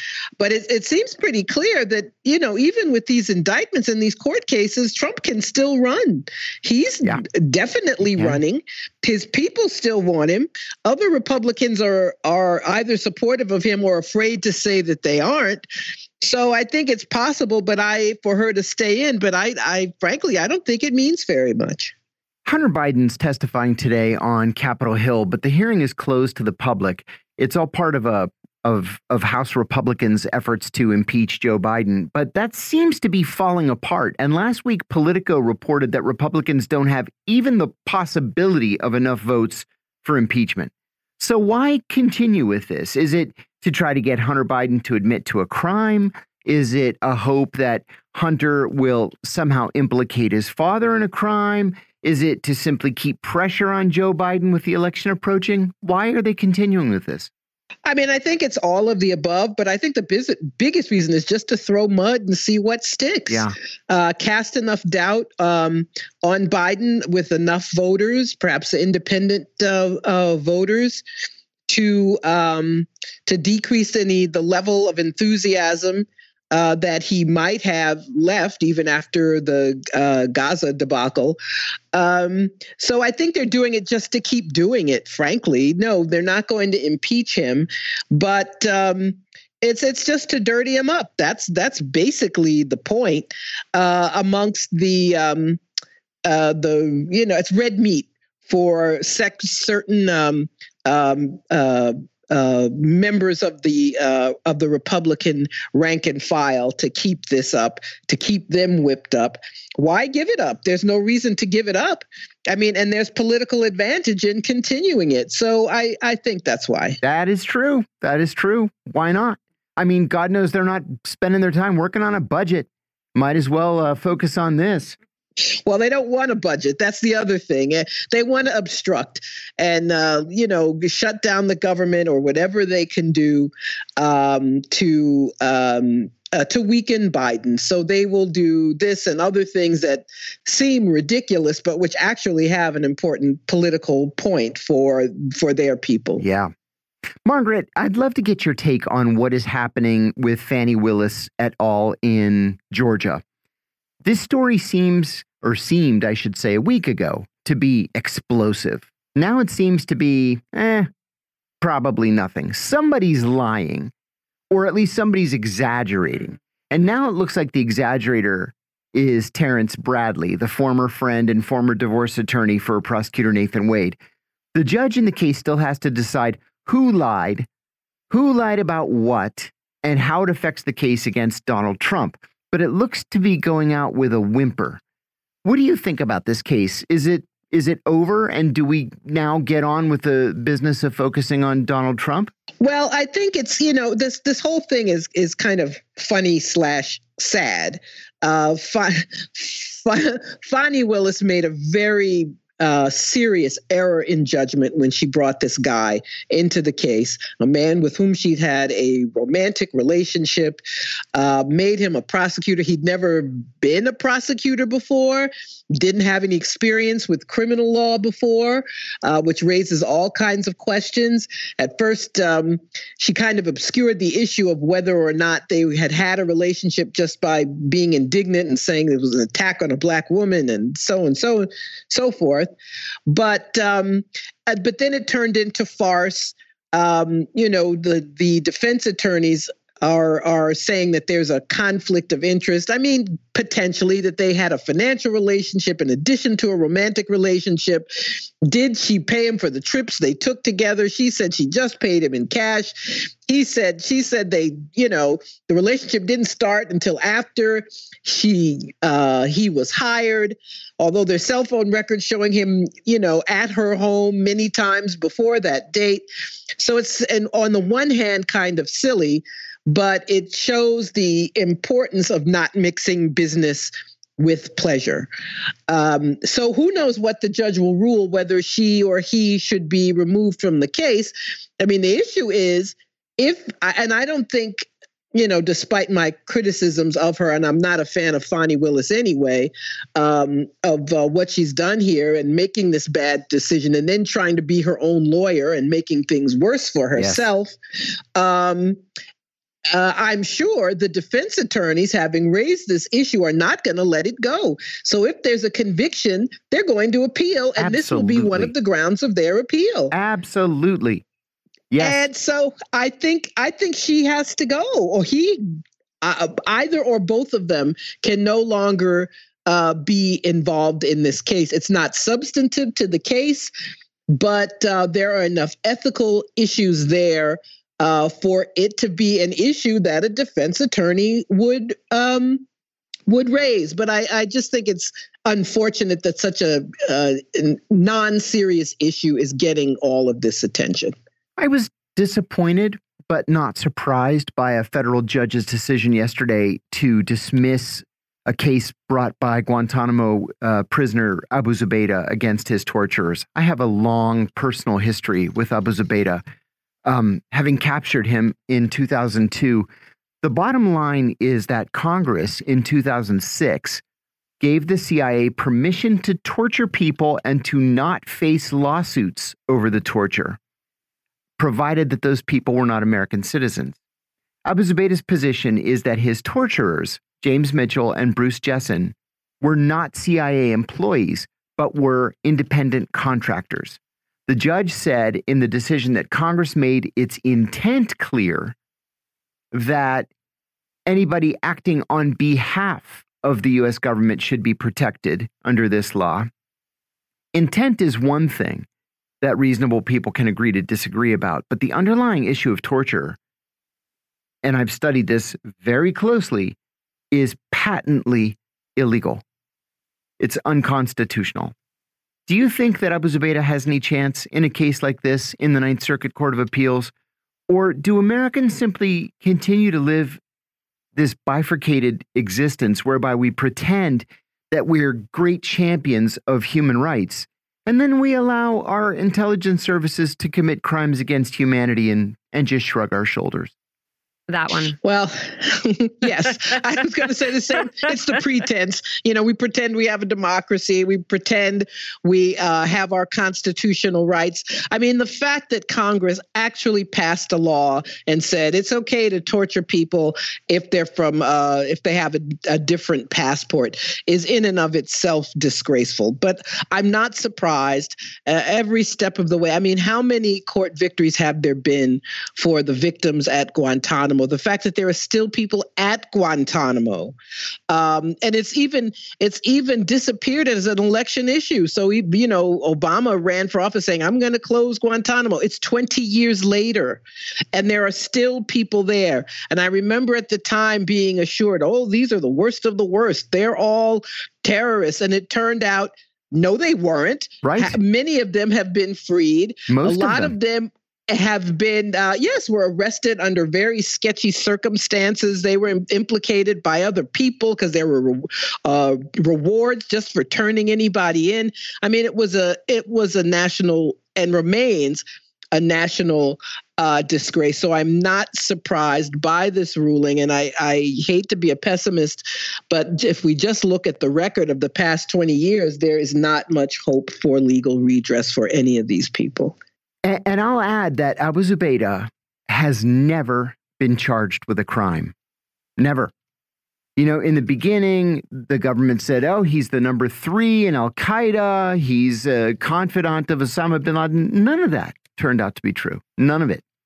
And we also know from the Senate torture report, thanks to a, an unredacted footnote in the Senate torture report, that Abu Zubaydah will never be released from Guantanamo. And when he dies, he'll be cremated and they will throw his ashes into the Caribbean. That's the plan. Yes, that's disgraceful. And, you know, it is something that we have to remember every time the U.S. talks about human rights abuses, uh, always pointing a finger at some country we're not supposed to like. But the countries we are supposed to like, you know, they can murder 30,000 people in Gaza and we're supposed to shut up about it. Um, it is it is horrible Mhm. um, that uh, Guantanamo still exists, that it's faded from public view, and nobody has the courage to undo this terrible wrong. None of the people with the power will undo it. Um, I've been reading more and more about Aaron Bushnell. And in fact, you wrote a piece, an important piece um, about Aaron Bushnell uh, and his act of self immolation on Sunday in front of the Israeli embassy in Washington. On the one hand, I think I understand why he did this. I think he was actually crystal clear about why he did it. Um, it was an incredibly brave and selfless act of protest. I wouldn't have had the guts to do something like that. But at the same time, I wonder if he was suicidally depressed. And even if he was, does that matter? Well, I think, you know, people have been arguing as if either he did have a mental health issue or he didn't and should be celebrated. When you raise the most important issue, can both things be true? Yeah. Yes. And I, I think, um, you know, it's something I can't wrap my head around. If I, you know, burn myself a little bit while I'm cooking, I can't imagine intentionally burning my entire body. I can't wrap my head No. around this, even though he's not the first person to have uh, to have done this. So I think clearly he could have benefited from some psychological care to have found another way to uh, register his outrage, to register his opposition. I wonder about the lack of, um, I don't know, revolutionary spirit where people attack themselves rather than find some way of uh, uh, attacking those they The oppose. And, and as we've just been discussing, the state makes it harder and harder to do that. But um, uh, so I, I don't want to call it a heroic act. Um, but it's still an important act, and the fact that they have are spending so much time smearing him, Yeah. dismissing him, Oh, he's an anarchist. He's a religious yeah, yeah, nut. yeah, disappearing him. New York Times barely mentioning it at all. And I've and and while uh, researching the story, I discovered that the person who self-immolated at Israel's consulate in Atlanta in December has never been publicly identified. That's absolutely correct. This woman has never been publicly identified. Yeah. No name, no age, no gender, no nothing. We don't know if if uh, uh, there's one report saying the person's still hospitalized, but that the the um, the federal government, I am certain, told the city of Atlanta to disappear this person, and that no one in the media said, "I want to find out this person's name." We have we know absolutely nothing. So that does, and I bring that up because that tells you the it does bring up the importance of what he did. That um, uh, someone who did it before was just effectively disappeared, is a non-person. So, and and the other, the reason to you know people are trying to talk about his political beliefs and he, he was just crazy, is that they want to shut down any and all opposition to what the U.S. and Israel are doing, and so this is just one more.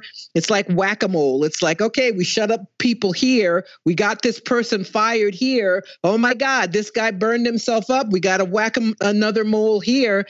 Everything is about trying to cover up uh, in order to defend what the U.S. and Israel are doing. Yeah, two other points on, on this issue. Uh, Ray McGovern, uh, whom we all know, he's a friend of ours. He sent me a he sent me a, a, an excerpt from a letter that a that a Buddhist monk sent to Martin Luther King in 1965. Apparently, Martin Luther King had written to this monk to ask uh, him to explain the act of self-immolation, and the the letter was that came back was relatively short, and what it said was that this is the ultimate act against the oppressor. That Buddhists and Hindus throughout history, going back to, you know, a thousand BC, have believed that self-immolation uh, damaged the oppressor far more than it damaged the person engaged in the act. And while that might not make sense in the Western mindset, um, this has been a, a theory, a philosophy that's been very consistent through millennia in Eastern thought. But I, I take this sort of personally as a erstwhile crazy person. And uh, I mean, I think you can be absolutely correct in your analysis of a situation and in your moral assessment of it and in your uh, and and in your moral clarity, right? I think that uh, being le less well than one might wish doesn't necessarily mean that you have some kind of moral failing. And I think then you can also uh, tailor your response to that analysis and that moral outrage in such a way that provides you relief from this other thing, which is this dis destructive drive that, you know, I think it, people's family members and loved ones might hope had not existed right? So you, you you know you can be absolutely right in your analysis and your response will be guided by the other ways that you feel. And if you feel absolutely hopeless and hopeless, you know, uh, uh, about the possibility of of concerted action, action together, and long-standing action, then that's the path you choose, right? So again, as Margaret said, as you said, as we've all said, both things can be true at once. And it doesn't negate what he did, you know, and it doesn't also necessarily make it uh, uh, more effective than it is. So it was uh, dramatic and, um, you know, deeply, deeply moving, right? Yeah. That's yeah. It's just I wish I, the thing that I want for the world, for all of us, is to find ways to actively fight against oppression. Yeah. Um, in an, any in any number of ways. Um, this self negation, I, I find it very distressing, uh, for for obvious reason that this man burned himself up. But you see, as he was dying, after he burned himself, the Secret Service agent still stood over him with the gun. With a gun, a gun drawn. And um, so that tells you the importance of what he did. But I also think being active uh, is the more more important thing that people uh, give each other courage and uh, stick our necks out in a variety of ways to make it clear that people of this country and people of the world uh, feel absolute revulsion about what the U.S. is doing. Uh, before I get to, to my last question, I wanted to say that Axios is reporting that the Arizona legislature um, has just approved a bill in committee. They're sending it to the floor now that would make it legal to kill undocumented migrants for trespassing. So, I mean, yeah. Yeah. So, if uh, there's somebody walking across your land, you would have the legal right to shoot them dead for walking across your land. Now, there's a Democratic governor in Arizona now, and she has already said that this bill is not going to become law. She's going to veto it. But gives you an idea of uh, where we're headed as a country. It's uh, it's so I did, had not heard this yet, but obviously it has to be vetoed. You would have, um, you know, uh, people who talk about gun rights. Uh, many of them just fantasize about killing people. I'm I'm convinced of that, and this would be a license for them to kill anybody who was Latin, probably Latino, to who was indigenous, obviously who was black, just to you know, well, I thought this person was uh, undocumented.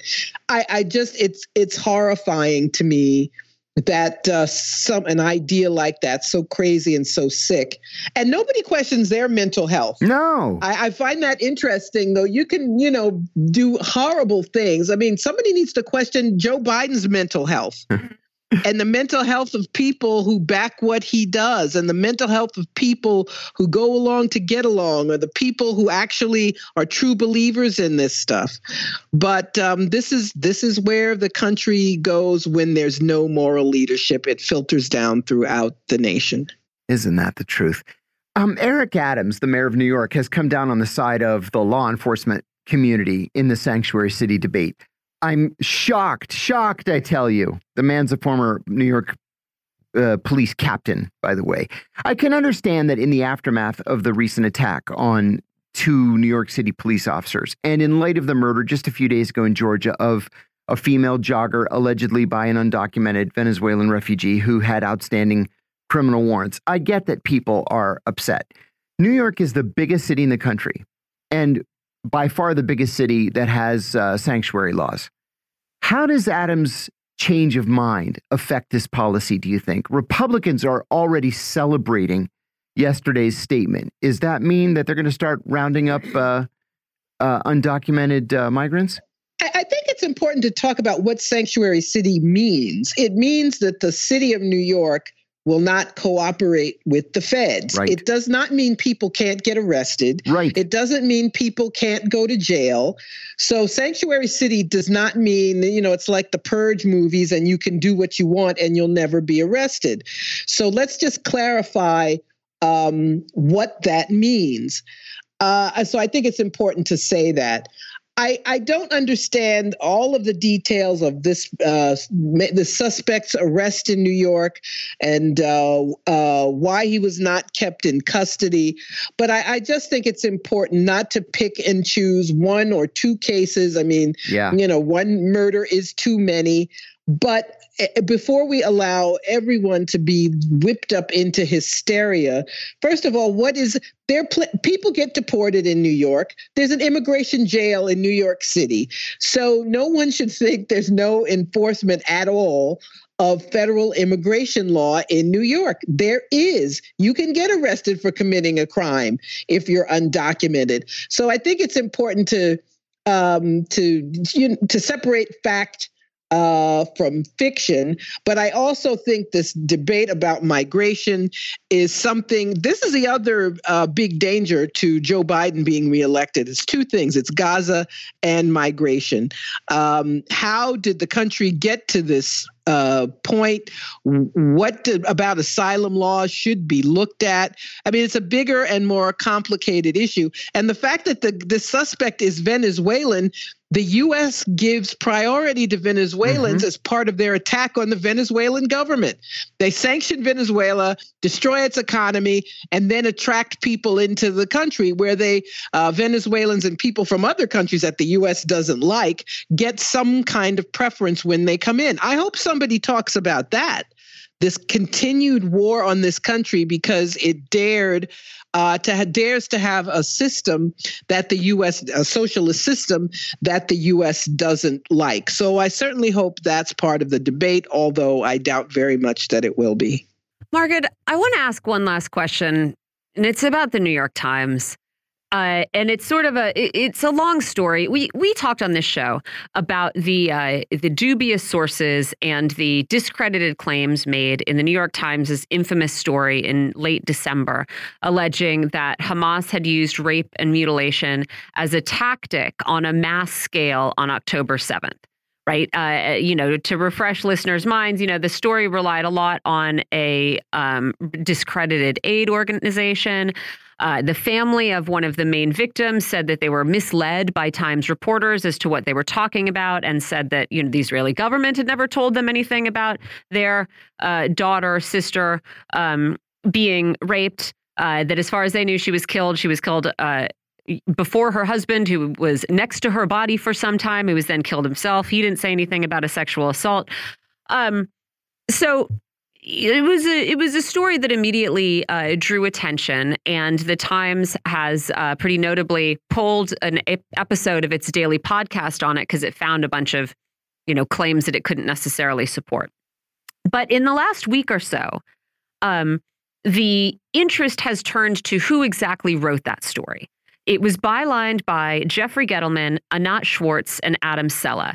Gettleman has written for the New York Times for some time. He's got a Pulitzer. Uh, he's got some uh, uh, pretty amenable political views to the New York Times's position. But the Times chose to pair him with uh, an Israeli filmmaker that they suddenly hired in October and her nephew, who was he, he, writes for various outlets on various topics, but he mostly writes about food and like community building in in Israel.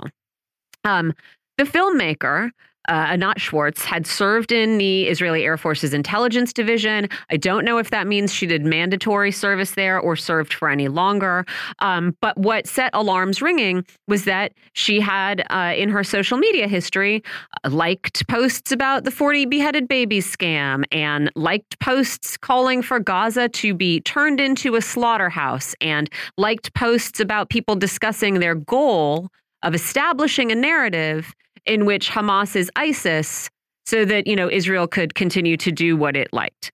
Um, she apparently spoke to sources for her stories about the importance of their testimony for Israeli propaganda or advocacy, depending on the translation.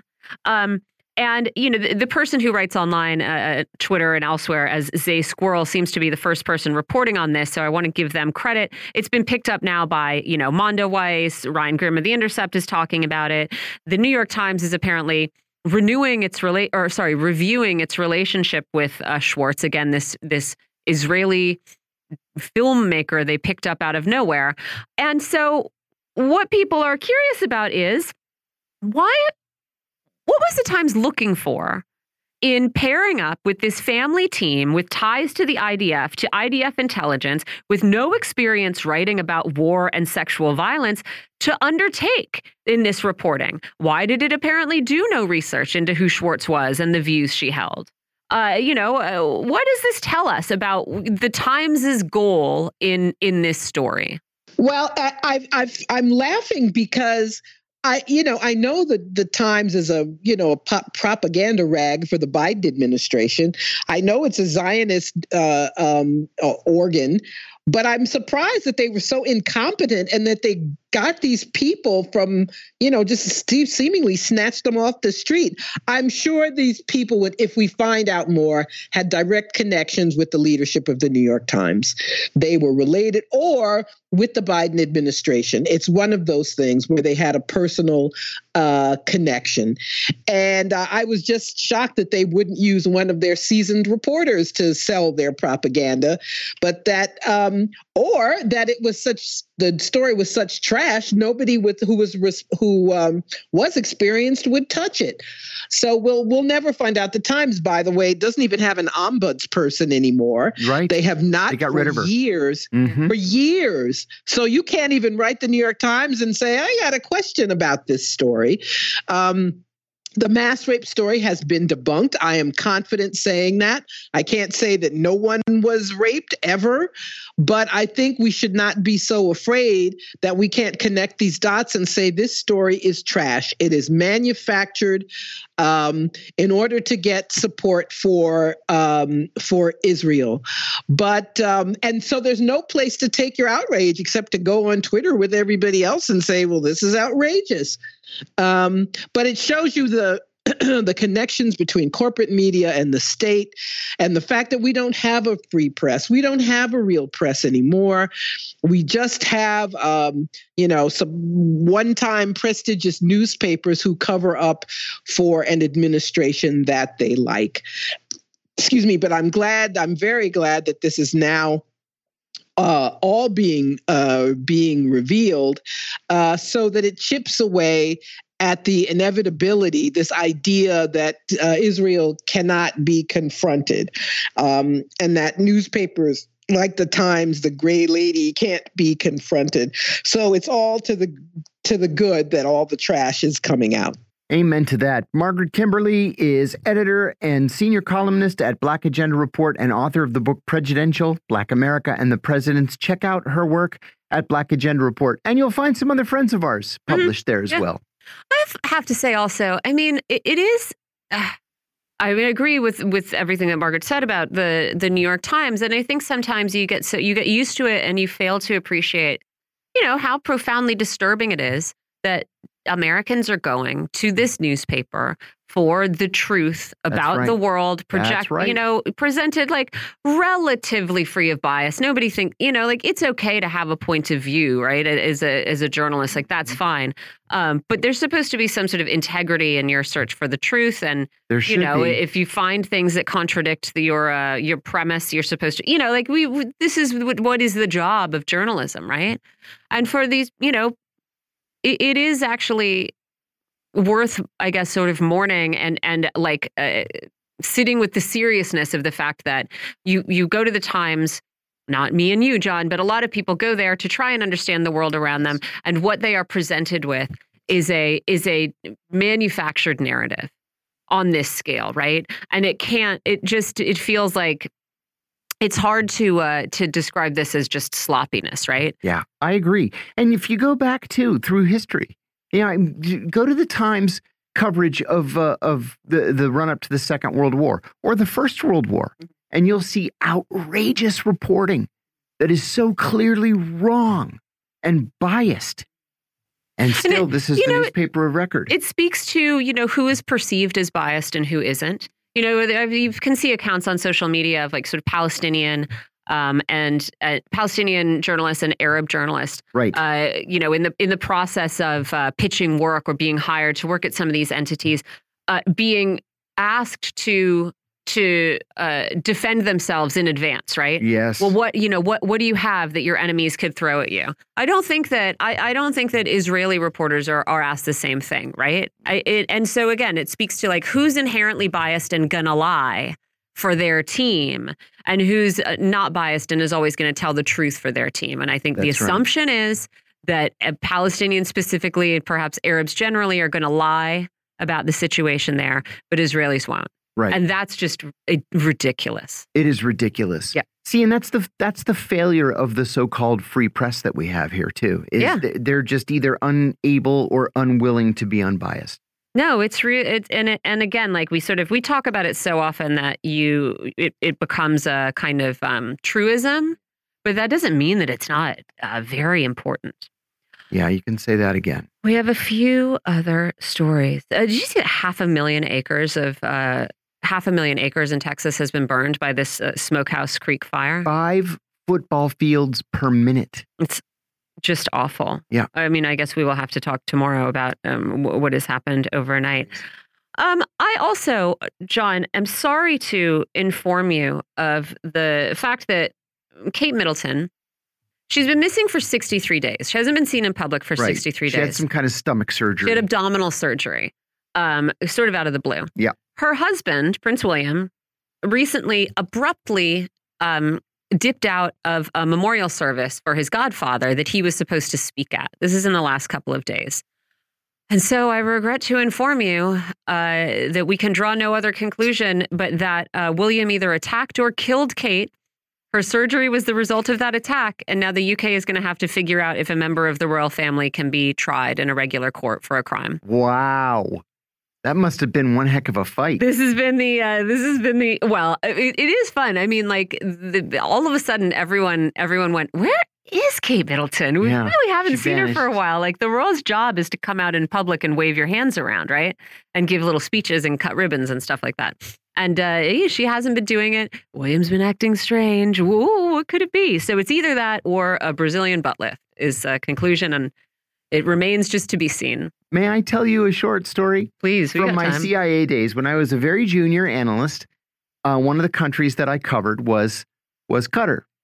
And Qatar's emir at the time, Sheikh uh, Khalifa Al Thani, uh, he was very wealthy to the point where he owned 2% of France. Huh. He owned 2% of the land mass of France. Cool. And then in the summer of 1994, he just decided, you know what? My country is so hot and dusty, and I just don't like it. And so he he moved to France. Yeah. Okay. He's the he's the ruler of the country. Yeah. And he moved to France. So finally, a year later, somebody's like, you know, the emir hasn't lived here for a year. He lives in France. We should probably overthrow him. And so they did. that's what happened. His son overthrew him. I mean, I can't imagine he would have really minded. Eh, he didn't really care. He Yeah, lived. He lived France. outside of Nice. Yeah. You know, overlooking the French Riviera. Oh no, I don't have to come back to. I mean, you know, did he lose any money in the prospect? Well, oh, they I went have to come back this- and make difficult decisions. They went through this back and forth where, you know, how dare you overthrow me? Well, you haven't been here for a year, so I had to overthrow you. And then two I'm summers later, working remotely. yeah, they forgave each other. They forgave each other. He ended up dying and being buried in Qatar, but he lived out his days in France. That's the way to go. Joe Biden should do that. and we see who wins. Um, there's a Boeing update. Oh, The are FAA. they finally going to get on the stick here? Yeah, I guess. Uh, the FAA has decided that uh, Boeing has 90 days to come up with a plan to address its systemic quality control issues. 90 days. Yeah, uh, they have to commit to real and profound improvements. This is according to the FAA administrator in a press release from today, laying out the timeline.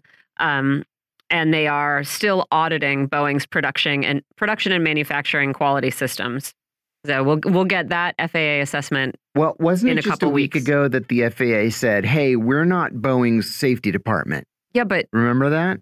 The, the United States, there are safety department. Boeing has its safety department, and then there's the FAA that's supposed to keep an eye on Boeing's safety department, Yes. right? Or do I fundamentally misunderstand regulation? I agree with you. I Yeah. think the FAA should be all over them. yeah, well, I mean, it, it does seem like it, it- you know, they they are, but Yeah. it would have been nice if this had happened. I mean, you know, again, we we're sort of focusing on um, the the plug door flying out and the couple of other Boeing issues before that. Now that I can't even remember, but I know there were a few. The right? Max 8s, you know, flying Well, no, the- that's what I'm thinking. Like, you know, this is the attention it's getting now. This, you know, was only in like 2017 or something when you had two plane loads full of people die Yeah.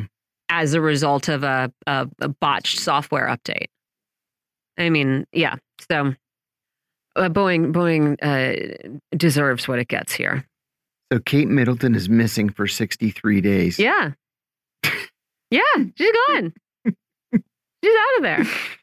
Oh my goodness. Uh, the other thing, have you seen? Oh, I have. uh, This is one of these stories that I have wanted to ignore uh, over the last, like, um, I don't know, four or five days.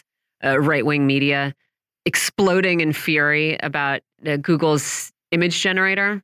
What's wrong with the image generator? Well, Google made this AI image generator, and um, it, it seems like the problem is in an effort to make the image generator non-biased, where it's like if you if you are asked to make a picture of a CEO, don't always make it a male CEO. If you're asked to make a picture of a pilot, don't make it a white pilot. You know, whatever. And so then it just turned into an image generator that would basically like only generate images of people of color and women. So, you know, one was like, make an image of the Pope, and it's like a lady, you know. Another one was a black Pope, and it's like, well, that's pla- very plausible. Um, but yeah, Lady Pope, uh, Vikings, they were like, make some images of Vikings, and you see all these like beautiful brown skinned Vikings with long black hair.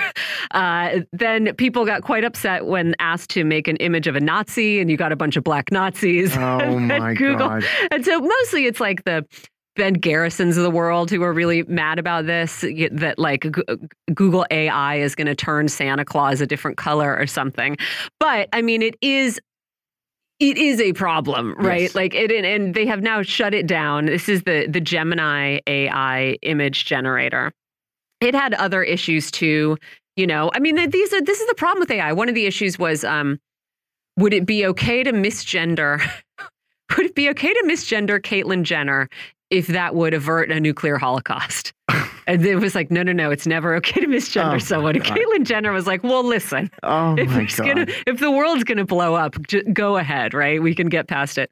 Um, so yeah, and and the, you know the thing is like these are things that you don't think about, right? You, you, Yes. how do you program? yeah. I mean, I guess a programmer would have an answer to this, but how do you program a thing to be both un, uh, unbiased in some circumstances and biased in other circumstances, right? I guess you have to go draw, go in and be like, make the Nazis white, please. Pope can't be a lady, you know, et cetera, et Yeah. cetera. But we are obviously not there.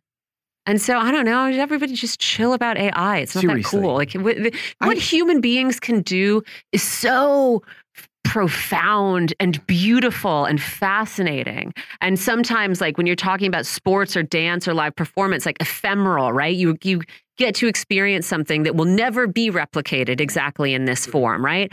And that's so cool. Seriously. Who cares? I a, heard what a computer when a computer Yeah, draws a dopey picture. I mean, yeah, if you're going to be using this, it's important to like understand how to deal with bias in AI one way or another. But I just like don't, I don't get the excitement about AI. No, I agree. I agree. I heard the most fascinating bit of useless trivia the other day. I love it. In 2018, for the very first time, there were more female CEOs than there were male CEOs named John. That's great. I was going to say, and is the world a way better place with all those, you know, broad CEOs? Then there were more male CEOs named John. Well, that's wonderful. How do you feel, John, though? Do you feel oppressed by that as Uh, a John? no, I only know one female CEO, and I'm in court against her, so I'm going to reserve judgment. I'm upset about that. I know. We'll cut that off. We'll cut that off, John. Um, there also in, in royal news, we barely have time for this, but I will say uh, we, I think, on this show laughed a little bit about um, uh, Harry and Meghan and their paparazzi chase in, Yes. in New York that uh, people were implying Oh, I was made up. that. They are so. It does seem like the uh, the NYPD has said, nah, that, that actually was dangerous. So Really? yeah, so perhaps we owe them a- okay, a, so tiny, we tiny apology. it, so I apologize. Uh, but then we're taking the NYPD's word for it. So, eh. anyway, that's all we got time for, folks. Thanks for listening. We'll see you tomorrow. Bye bye.